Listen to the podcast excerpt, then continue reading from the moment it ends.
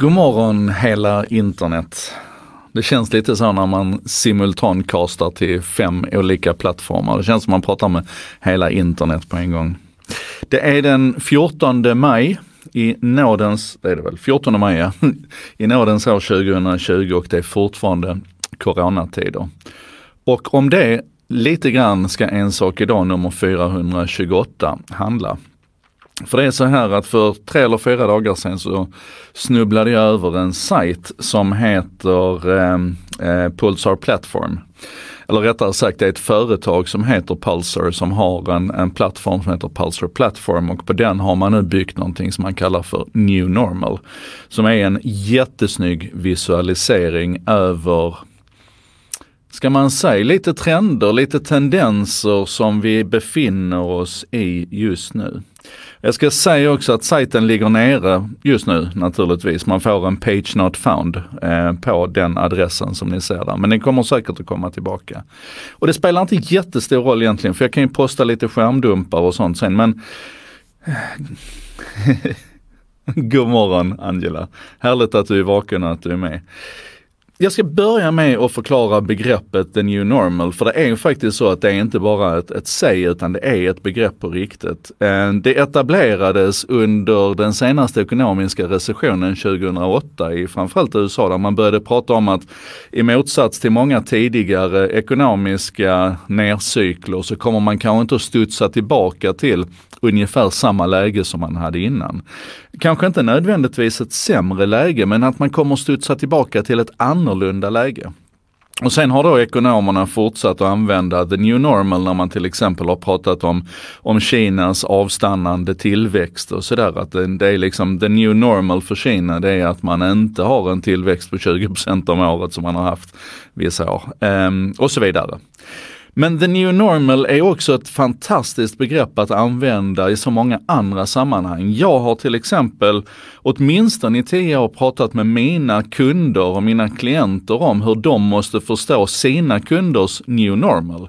Och det betyder ungefär att om, om du har en, en relation med din kund idag och du jämför dig själv med dina konkurrenter. Eh, så kan du titta på konkurrenterna och så kan du säga att jag är så här mycket bättre på att leverera det här värdet till min kund. Men kunden flyttar hela tiden sina förväntningar för att när kunden har varit inne och till exempel konstaterat att Spotify ger mig tillgång till all världens musik med ingen väntetid alls och till en oerhört låg kostnad. Eller Netflix vet exakt vad jag är intresserad av. Eh, när, när, kunden liksom en gång har fått den upplevelsen någonstans så blir den kundupplevelsen the new normal. Det blir den nya förväntanspunkten och det är det alla där ute behöver konkurrera med. Så att man, man konkurrerar inte längre inom sitt segment utan man konkurrerar mot kundernas new normal, den nya förväntan hos dem. Och nu i de här tiderna som vi är mitt uppe i nu, i coronakrisens tidevarv, så har ju verkligen new normal också kommit att att, att ligga liksom top of mind. Vi funderar oerhört mycket på det här. Hur kommer det se ut på andra sidan om den här krisen? Och, och ett new normal som vi nog redan kan vara säkra på det är att vi kommer att ompröva den här idén om att planera. Alltså instead of planning we need to focus on preparedness. Alltså istället för att hela tiden fundera på hur, hur de här långsamma kurvorna som vi ser i trender, tendenser, allt som vi kan mäga, väga och mäta och så vidare, hur det kommer att påverka oss om, om 10 eller 15 år och så planerar vi för det. Så kanske vi inser att det vi behöver istället är en enorm lättrörlighet vi måste vara mycket mer agila, vi måste vara beredda på att saker och ting helt plötsligt svänger tvärt höger eller att saker och ting helt plötsligt på det temat förresten, jag såg en fantastisk intervju med Jeff Bezos, jag tror det var 1997 eller om det var 93 som han blev intervjuad. Och, och, då frågar man så här, hur kom du på att du skulle starta Amazon? Och då sa han att ja, men jag, jag såg en siffra om att internet växte med 2800 procent year on year. Alltså från år till år så ökade internetanvändandet med 2800 procent. Och då tänkte han att det här måste ju betyda någon slags, begreppet var inte formulerat då, men någon slags new normal. Och hur kommer affärer att göras i det här new normal? Och så gick han dit liksom. Han gjorde en lista med 20, 20 branscher han skulle kunna engagera sig i och så valde han då bokbranschen för den kändes lag. Ja, så. i alla fall hur man kan använda den här idén om ett, ett stort skifte för att skapa en, en, en beredskap och en, en öppenhet. Eh, jag har tidigare pratat om eh, pratat om, om eh, Lufthansa som just nu då blöder en miljon euro i timmen och hur de då ställer upp sitt börsvärde tillsammans med de fyra andra största flygbolagen, så deras börsvärde och ställer det emot Zooms börsvärde och så tycker man att det här är ju jättekonstigt och det här är ju jättebesvärligt. Och hur ska det här se ut på andra sidan krisen? Och jag tror att alla behöver förstå att det handlar om en new normal här som vi behöver etablera. Affärsflyget kommer aldrig att återgå till det som affärsflyget har varit. Och sitter just nu i ett arbete med, eh, med kollektivtrafik och, och det är samma sak där. Va? Jag menar, ur ett rent så här mänskligt plan när vi gör vår, vår riskanalys här så kommer vi kanske vara mindre benägna att sätta oss på det här fullmatade tåget eller sitta kloss emot och, och, är det så att vi måste så kanske the new normal kommer att vara att vi har en helt annan relation med arbetsgivaren. Twitter gick ut redan nu och sa att det här med att arbeta hemma som vi har varit tvungna att göra under coronakrisen, det har funkat så bra så att vi kommer att behålla det efteråt. Vi kommer att ha total frivillighet om du vill sitta hemma och jobba eller inte. Och, och, måste du till jobbet och till kontoret så kanske man kommer att jobba med någon slags avancerad flextid eller man kanske kommer att gå i skift. Så att man slipper det här med att ens personal ska sitta i kollektivtrafiken när alla andra också sitter, att man jämnar ut pucklar. Och här börjar man då fundera över hur kan vi använda AI för att styra de här trafikflödena på andra sätt och så vidare.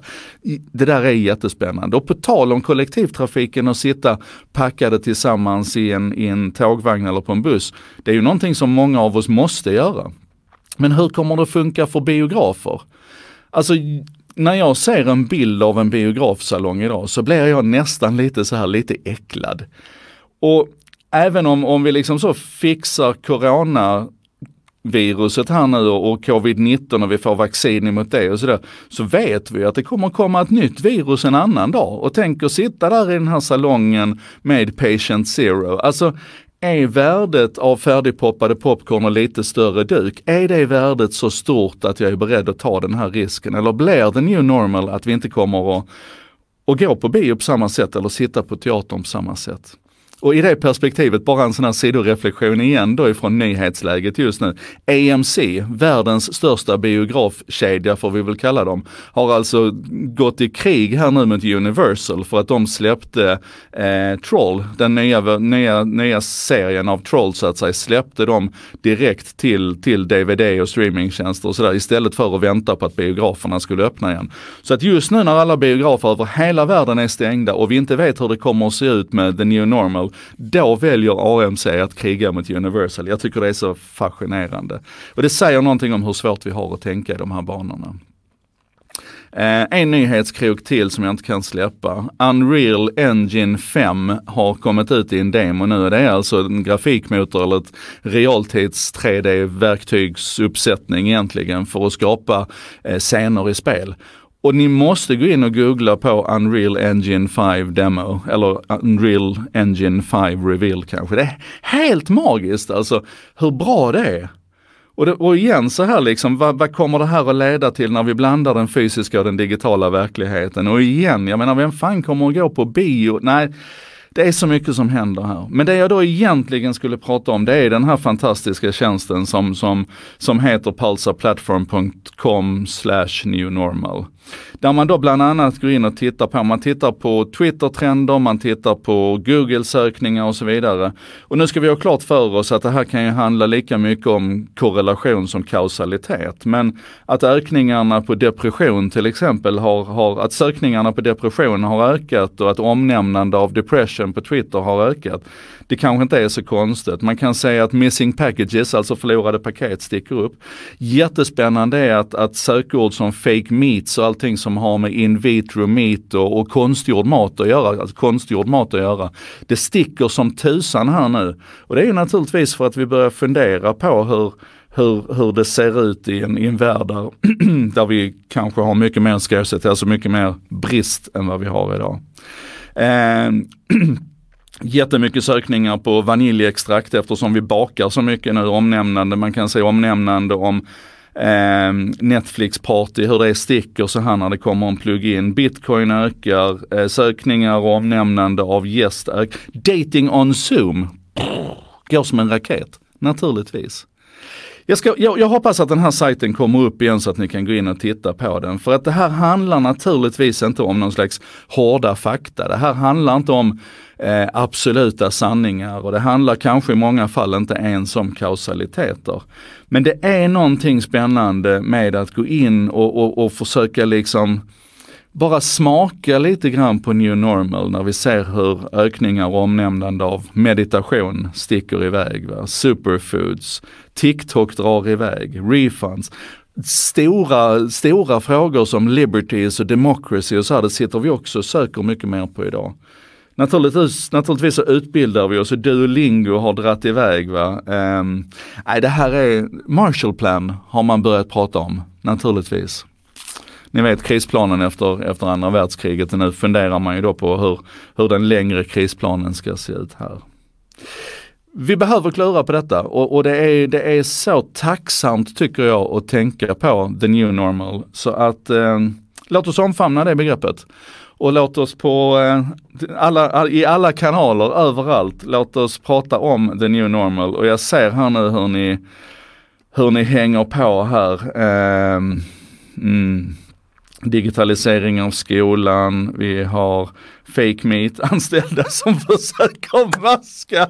Ja Linus, det här är underbart. Gud vad jag älskar vilket, vilket bra eh, vilket bra inspel. Fake meat. Anyway, det här var en sak idag, nummer 428. Tusen tack för att ni hänger med.